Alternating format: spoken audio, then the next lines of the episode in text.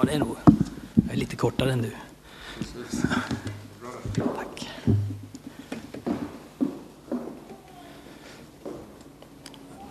Jag får börja med att tacka för inbjudan att komma hit. Det känns lite som jag kommer hem. Jag bodde under flera år uppe på Landalagången här. Det är bara ett stenkast härifrån. Mm. Och eh, det känns ju, men jag har aldrig varit inne här i kapellet innan så det är lite speciellt. Jag tänkte jag skulle ta er med till Nehemjas nionde kapitel. Har ni med er er bibel så kan ni gärna slå upp och följa med. För vi ska titta på mer text än det som vi har läst. Jag vet inte om ni lyssnar på radio, men det finns eh, ett program som heter Språket som går på tisdagskvällar. Det är en del av Vetenskapsradion. Språket är en sån där eh, frågelåda om det svenska språket. Så lyssnarna får skicka in frågor och sen är det språkexperter som förklarar och svarar på eh, de här frågorna. För en bra tid sedan så var det en som skrev in och frågade vad betyder det här begreppet att hålla låda? Är inte det ett konstigt begrepp? Att hålla låda? Eh, det vore väl mer logiskt att säga att man skulle stå på en låda, ungefär som i Speakers Corner eller någonting sånt, att den som talar kommer upp lite grann. Men att hålla låda? Svaret var intressant. Det kommer från frikyrkan, sa Men inte från frikyrkan i Sverige, utan frikyrkan i Tyskland, de så kallade hernhuterna. De som träffades hemma hos greve Zinzendorf. Det var kristna från olika sammanhang som av olika skäl hade samlats. Och när de hade gudstjänst så hade man ingen pastor eller, eller, eller präst eller så, utan man skrev bibelverser på massa lösa lappar och så la man dem i en låda. Och sen skickar man runt den där lådan i bänkarna och den som kände sig hågad eller där liksom lådan stannade, han fick ta upp, eller hon, en lapp och så läsa bibeltexten och sen oförberedd hålla dagens predikan utifrån den texten. Va? Det är kanske något ni skulle pröva här, eller? Eh, och då blev det ju så att man skulle lyssna på den som höll i lådan. Så att hålla låda, det är, det är den som talar så att säga då. Det finns ju en liknande sak i, i svensk tradition som kallas för mannaskålar. Jag vet inte om ni har hört talas om det. Förr så hade man det i många familjer, kristna familjer. Man hade en skål med små lappar i med bibelverser och så hade man en tradition av att vid ett visst tillfälle, till exempel när man haft gäster och de skulle gå hem, så tog man fram den där skålen och så fick man ta en lapp. Och så fick man läsa bibelversen och så fick man med sig en bibelvers när man gick hem och så där. Jag har ju inget emot det där. Det är ju bättre att få en vers med sig hem än att inte få någon vers alls. Men de där två sakerna de symboliserar någonting som kanske inte bara är bra. Nämligen att vi ibland börjar betrakta Bibeln som en samling med lösa lappar. Vi strävar efter att hitta en vers eller få en formulering. Allt förmår jag honom som ger mig kraft. Han gör allting nytt. Herren ska strida för er. Och ni känner igen det där att liksom, ah, det här tar jag tag i. Men jag frågar aldrig var hör det hemma någonstans, i vilket sammanhang står det och så.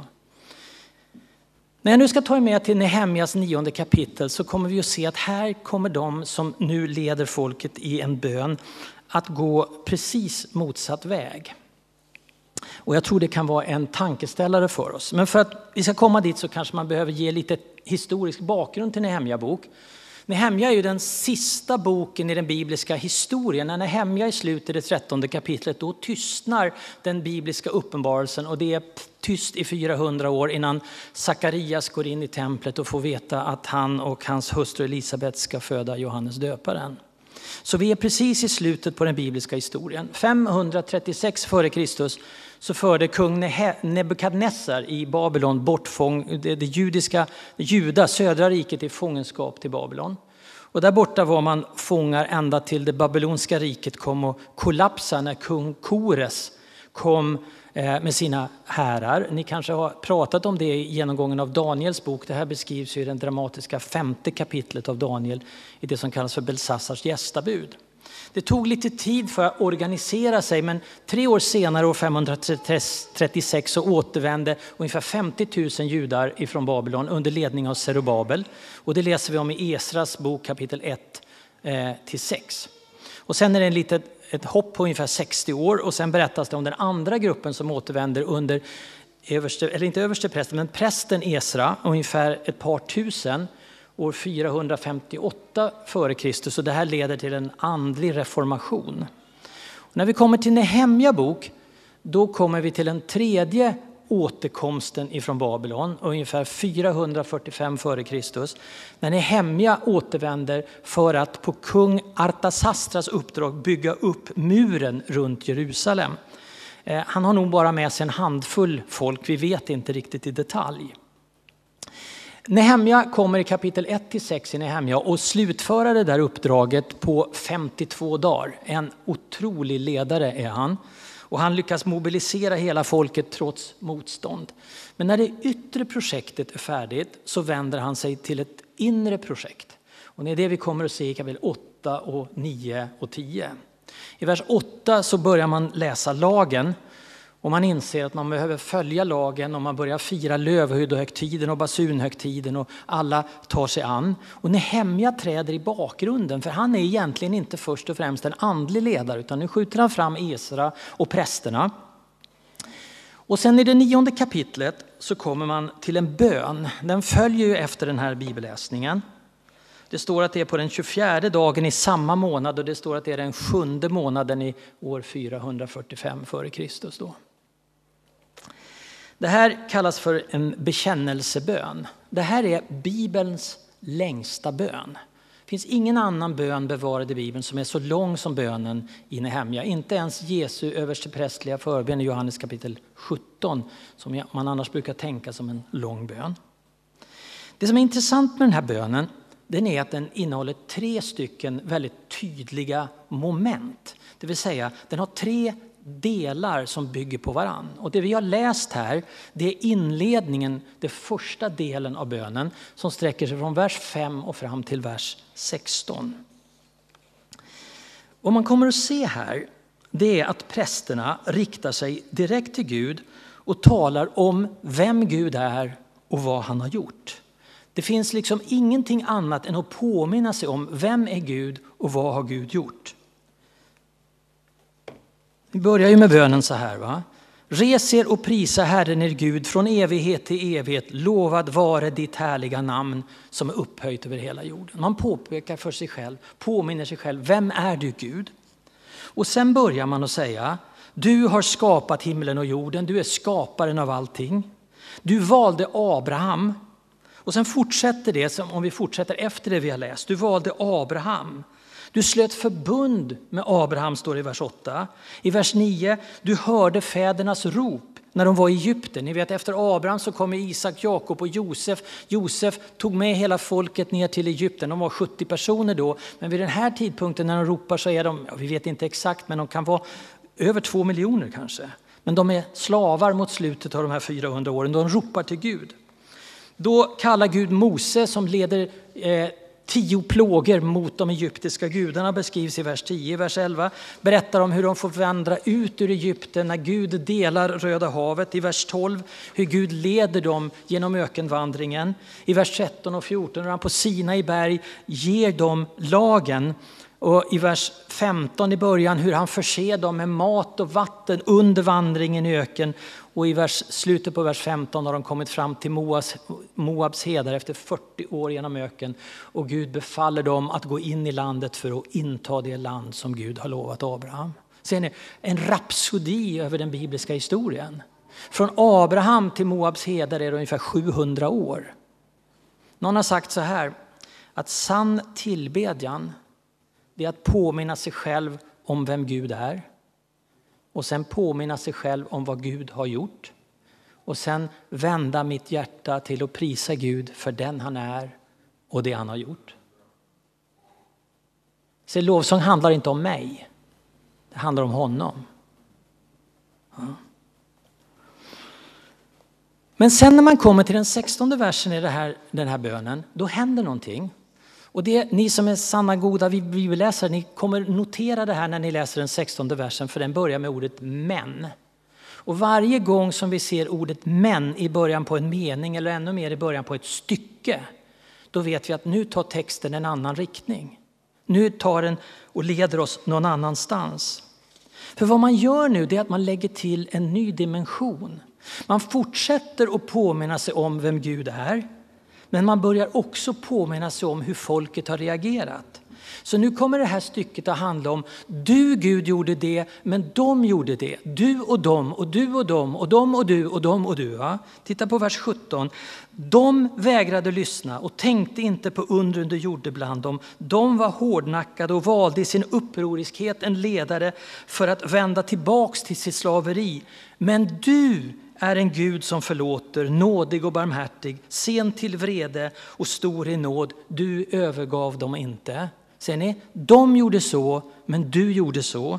Eller i vers 29, du förmanade dem för att återföra dem till din undervisning, men de var övermodiga och lyssnade inte på dina bud utan syndade mot dina föreskrifter. De och du och de och du. Så först så fokuserar man på vem är Gud? Sen sätter man folket i relation till den här guden. Men man gör det på ett sådant sätt att man förstår att Gud har velat en sak och folket vill en annan sak. Men prästerna påpekar ju genom det här gång på gång, trots folkets ovilja har Gud varit trofast. Och därför kommer vi till den tredje delen av bönen som börjar på vers 32. Och på grund av Guds trofasthet, trots folkets synder, så menar nu prästerna att det finns ett hopp för folket. Om vi bara omvänder oss så kommer den trofaste guden att ta emot oss på nytt och välsigna oss. Vers 32 säger så här. Och nu, ser ni det? Och nu vår Gud. Inte som det har varit innan, utan nu vår Gud. Du store, väldige, fruktade Gud, du som håller förbundet och nåden. Låt den inte vara liten i dina ögon, den plåga som har drabbat oss, våra kungar, våra första, våra präster, våra profeter, våra fäder och hela ditt folk. Från de assyriska kungarna dagar, assyriska kungarnas dagar ända till idag. Assyriska kungarnas dagar det var ju den norra riket fördes bort i fångenskap, så den tiden som det judarike själv hade stått inför Gud som det utvalda folket. Vers 33, du är rättfärdig i allt vad som drabbat oss, för du har visat dig trofast medan vi var ogudaktiga. Och med det som grund, att man litar på Guds trofasthet, så väljer nu folket att förnya sitt förbund med Gud. Och det är vad som står i den 38 versen. Och då har man slutat bönen, bönen slutar i den 37. Så i den 38 versen, på grund av allt detta slöt vi ett fast förbund och satte upp det skriftligen. På skrivelser som försågs med sigill stod våra förstas, våra leviter våra prästers namn. Så hela den här bönen där man talar om vem Gud är, vad han har gjort, hur folket har gjort, hur vi har lärt oss att Gud är trofast, leder fram till en tro att vi kan överlåta oss på nytt till Gud. För han har aldrig svikit oss, även om vi har svikit honom. Och det tionde kapitlet som vi inte hinner titta på, det kommer att vara en detaljerad genomgång av det här förbundet. Alla namnen på de som får skriva på som representanter och vad förbundet innehåller. Och så har Nehemja skapat en förutsättning där prästerskapet kan ta över och leda folket genom en reformation där de trots sin historia ändå vågar komma till Gud. Men sen är det som är viktigt i den här texten är också att notera att de hela tiden påpekar den bibliska historien som grund. Och jag menar att det står i kontrast till de där lösa lapparna som vi har i början. Va? Det kristna livet som vi lever idag ska inte bygga bara på de där lösa formuleringarna och de där fina verserna utan på en förståelse för den bibliska historien. Några tankegångar och observationer om det. Genom att vi förstår den bibliska historien så lär vi oss vem Gud är med ett större djup och med en större insikt än vad enskilda bibelverser gör. Du kan läsa första Johannes 1 och 9 där det står om vi bekänner våra synder är han trofast och rättfärdig så han förlåter oss våra synder och renar oss från all orättfärdighet. Det är en fin vers. Men den säger att Gud är trofast och rättfärdig. Visst, Gud är trofast. Men hur mycket mer förstår jag inte Guds trofasthet? När jag ser hur han i sin trofasthet arbetar genom historien. Hur han tar hand om Noa, Abraham, Isak, Jakob, Josef, Mose, Aron, Josua, Kaleb. Gideon, Simson, Debora, Jefta, Saul, David, Salomo, Elia, Elisa. Vilka ska vi ta? Josia, Esra, Serubabel, Ester, Nehemja. Guds trofasthet visar sig ju gång på gång på gång genom bibliska historien. Och genom att läsa och förstå hur historien hänger ihop så får vi en så mycket större djup i vår gudsbild än vad enskilda bibelversar någonsin skulle kunna ge oss. Eller hur? Mm. Det andra som vi lär oss genom den bibliska historien det är att den bibliska historien ger oss en förståelse för Guds frälsningsplan. Paulus skriver till Galatserna i det fjärde kapitlet och den fjärde versen. När tiden var inne sände Gud sin son, född av kvinnan, ställd under lagen för att han skulle köpa de fria som stod under lagen. När tiden var inne. Jag tror att David Hedegård på sin tid översatte det när tiden var fullbordad. Det talar ju om att det fanns en tid som Gud hade planerat. Ända ifrån evigheternas evighet fanns Guds eviga rådslut som skulle leda fram till den optimala tidpunkten när Jesus skulle träda in i historien som Gud i mänsklig gestalt. Hela gamla testamentet är ju på det sättet en bild av Guds frälsningsplan. Och om jag förstår helheten av den bibliska historien så lär jag mig att förstå hur Gud har handlat, varför han gjorde som han gjorde, varför vissa saker hände. Och när jag kommer till Nya Testamentet så har jag ju en bakgrundshistoria till varför det var den optimala tiden. Man brukar peka på saker när Jesus föddes. Det fanns ett språk som gällde i hela romarriket, grekiskan. Det fanns vägar som romarna hade byggt, byggt som gjorde att den första församlingen kunde, kunde färdas överallt. Och ni vet man säger alla vägar bär till Rom. Det betyder också att alla vägar bär från Rom. Så när evangeliet i slutet på apostlärningarna når Rom så har de ju i princip nått på den punkten när man kan nå till den då civiliserade världen. Det var den optimala tiden. Och tänk faktiskt den där påskdagen när Jesus uppstod så fanns det ett par lärjungar som ändå inte förstod och som började vandra från Jerusalem bort ifrån stan mot sitt hem i Emmaus. De förstod inte att den som anslöt sig till den lilla gruppen var Jesus själv. Och han frågade vad håller ni på att prata om? Men vi fattar inte allt det som har hänt. Och så står det att Jesus började tala om Mose och profeterna och allt som var sagt om honom i skrifterna. Och det var vid den här tiden någonstans som Gamla testamentets kanon höll på att formera sig. Och det delas in i tre delar, lagen, profeterna och skrifterna. Som med stor sannolikhet gick Jesus igenom hela Gamla testamentets historia för att peka på hur de pekade på honom. Och jag brukar tänka så här, tänk om han hade fått vara med smyga upp som en fjärde person. Jag hade tagit fram min mobil och så tryckt på den här inspelning. Va? Vilken predikan! Att höra Jesus själv gå igenom hela gamla testamentet. För han tyckte tydligen det var viktigare för dem att förstå än att han bara sa tada, här är jag, jag har uppstått. Och när de kom fram till Emmaus så bjuder de in honom och de sätter sig ner för att äta. Och när de bryter brödet, och jag tror inte det handlar om nattvarden utan det var bara att man skulle äta. Så förstod de plötsligt, ja men det är ju han. Och så kommer det mest fantastiska. Va? Då försvinner han. Om han reser sig och går eller om det är övernaturligt, det förstår vi inte från texten. Men när han är borta så tittar de på varann och då borde de ju säga just det där. Den uppståndne har varit här. Han gick med oss. Men nej, var inte våra hjärtan hjärtan brinnande i oss när han talade till oss på vägen. Då innan vi visste vem han var. Och det som satte så djupa spår var deras förståelse av Gamla testamentets historia när alla bitarna i Guds frälsningsplan föll på plats.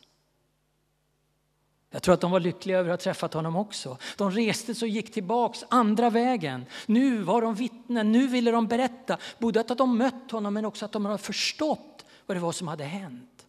Därför Gamla testamentets historia ger oss en bild av Guds frälsningsplan. Guds eviga rådslut, Bibelns röda tråd. För det tredje, den bibliska historien den föder tro och skapar hopp. En tro på en Gud som har allt under kontroll och som därmed ger oss hopp för framtiden. Och till den slutliga segern. När Hebreerbrevets författare ville tala om tro i det elfte kapitlet i Hebreerbrevet så går han till en samling av Gamla testamentets gestalter och ger dem som exempel. Han börjar ju med att säga att tron är en fast tillförsikt om det vi hoppas. En visshet om det vi inte ser. Och så börjar han att berätta om Abel, Henok, Noa, Abraham, Sara, Isak, Jakob, Josef, Amram och Jokebed, om Mose, om uttåget i Egypten, om Josua, om Rahab, Gideon, Barak, Simson, Jefta, David, Samuel och profeterna. Och sen slutar han till slut och säger tiden räcker inte för att berätta om Gideon, Barak, Simson, Jefta, om David, Samuel och profeterna. Genom tron besegrade de kungariken, skipade rätt, fick se löften uppfyllda, stängde lejonets gap, släckte rasande eldar och undkom svärdens ägg. De var svaga men fick kraft. De blev starka i strid och drev främmande härar på flykten. Och fast alla dessa hade fått vittnesbördet för sin tro fick de inte det som var utlovat. Va? Deras tro var en tro på det hoppet som skulle komma. För Gud, säger han i vers 40, hade nämligen förberett något bättre för dem. Först tillsammans med oss ska de nå fram till målet. Och det är precis där vi är också. Vi har en tro som föder ett hopp. Och vetskapen om Guds makt genom historien, så som det uppenbaras både i gamla och nya testamentet, är det som ligger till grund för det hopp vi bär om vad framtiden ska ge. Så om jag inte griper om den bibliska historien så kommer jag aldrig att kunna gripa om det som ska ge kraft till min tro och mitt framtida hopp. Men så för det fjärde. Att känna den bibliska historien är också i min uppfattning förutsättningen för oss att bättre kunna förstå Bibeln som bok. Det är grunden för vår bibeltolkning. Den amerikanska teologen Jim Hamilton skriver så här, eller säger så här, för det var en intervju. Om bibelläsaren inte har ett grepp om Bibelns övergripande berättelse är det nästan oundvikligt att de kommer att missförstå några av Bibelns alla mindre berättelser. Det vill säga, varje sån där lös lapp jag har tillhör en biblisk berättelse, en mindre berättelse. Och min förmåga att förstå den har att göra med hur jag kan förhålla den till den övergripande bibliska berättelsen. Vill du bli bättre bibelläsare, vill du känna att bibeltexterna faller på plats och att det finns en trygghet i de slutsatser som du drar. Börja inte detaljen och jobba dig uppåt utan börja i översikten och jobba dig neråt. Den övergripande bibliska historien skapar bakgrund och sammanhang för alla de berättelser och de texter som vi läser. Den svenskkyrkliga prästen Christian Brav skriver i en av sina essäer, en tänkande man, jag rekommenderar mycket av det han skriver. Vill man styra ett folk, skriver han, så måste man styra deras historieskrivning. Vill man beröva en människa, ett folk, dess identitet ska man beröva dem dess historia. Hör ni vad han säger? Vill man beröva en människa, ett folk, deras identitet kan man göra det genom att beröva dem deras historia. Risken är att jag blir berövad min kristna identitet om jag blir berövad den bibliska historien. Å andra sidan, om jag griper om den bibliska historien så är det ett sätt att få tydlighet och riktning i det liv jag lever. Fyra stycken skäl för att greppa om den bibliska historien. Jag får en djupare bild av Gud. Jag får ett grepp om hans frälsningsplan. Det skapar, det skapar tro. Ja, jag håller med. Ja, det skapar tro och föder hopp och det ger dig till, gör dig till en bättre bibelläsare. Ja, nu går tiden ifrån mig. Men nästa sak man skulle kunna tala om det är att det finns ytterligare en historia, en kristen historia som vi borde greppa om. Och det är vår egen kristna historia. Du sitter här i Landala kapell idag den 12 februari 2023 och det finns en historia i ditt liv där Gud har varit trofast mot dig. Och han har fört dig till den här punkten idag. Genom att han har fört människor in i ditt liv, genom att du har sett sanningar och valt att följa honom. Och ibland skulle du må bra av att också sätta dig ner och inte bara titta på Bibelns historia utan titta på den historia som ditt eget liv representerar. För också den skapar tro och föder hopp. Eller hur? Hade jag haft tid skulle jag berätta om Anders som jag träffade när jag var 17 år. Vi kände varandra i tre år innan jag flyttade hit till Göteborg. Men att jag står här idag, det beror på honom. Att Gud förde honom i min väg. Många andra människor har varit i mitt liv, men hans inflytande när jag var en ung tonåring i gymnasieskolan har haft sån avgörande betydelse. Vilka människor har betytt något för dig? Ska du tacka dem för det? Och därigenom påminna dig om att det här är människor som har visat Guds trofasthet in i ditt liv. Och utmaningen blir ju förstås, vem är du? En person som kan vara dessa sändebud i andra människors liv. Mm. Ser ni att det här är vad texten i Nehemja 9 egentligen handlar om? De börjar med att påminna sig om vem Gud är och vad han har gjort. Sen genom att berätta den bibliska historien så påminner de varandra om Guds frälsningsplan så långt den hade utvecklats när de var i Jerusalem ungefär 445 år före Kristus. Och sen använder de de berättelserna för att skapa tro och hopp till att man ny på nytt överlät sig till Gud och slöt förbund med honom för framtiden. Och allt det gjorde man därför att man hade fått en ny förståelse för vad bibelordet, om vi nu ska tala om bibelordet i den här historiska kontexten, men det som Gud hade uppenbarat blev klart för dem därför att de inte fixerade sig vid en enskild bibelvers, en lapp i en skål någonstans, utan i hur Gud hade handlat och hur det beskrevs för dem. Så hela texten andas vad kan en förståelse av den bibliska historien betyda för den som vill följa Gud? Vi ska inte säga för den som vill vara kristen, för det är ett anakronistiskt uttryck här. Men för oss handlar det om det. Min utmaning till dig, den är ju att lyfta blicken. Från papperslapparna till helheten. Från den enskilda versen och formuleringen som ibland kan vara till tröst och hjälp. Men till att se hur Gud handlar genom historien och i ditt liv. Jag har gjort en liten lapp som ser ut så här, som ligger ute på bordet. Det har sammanfattat hela Bibelns historia, 42 centrala händelser. Du får gärna ta en lapp när du går hem idag och ta med dig. Men med det så utmanar jag dig och säga, har du kommit till punkten där det är dags att göra en ny överlåtelse?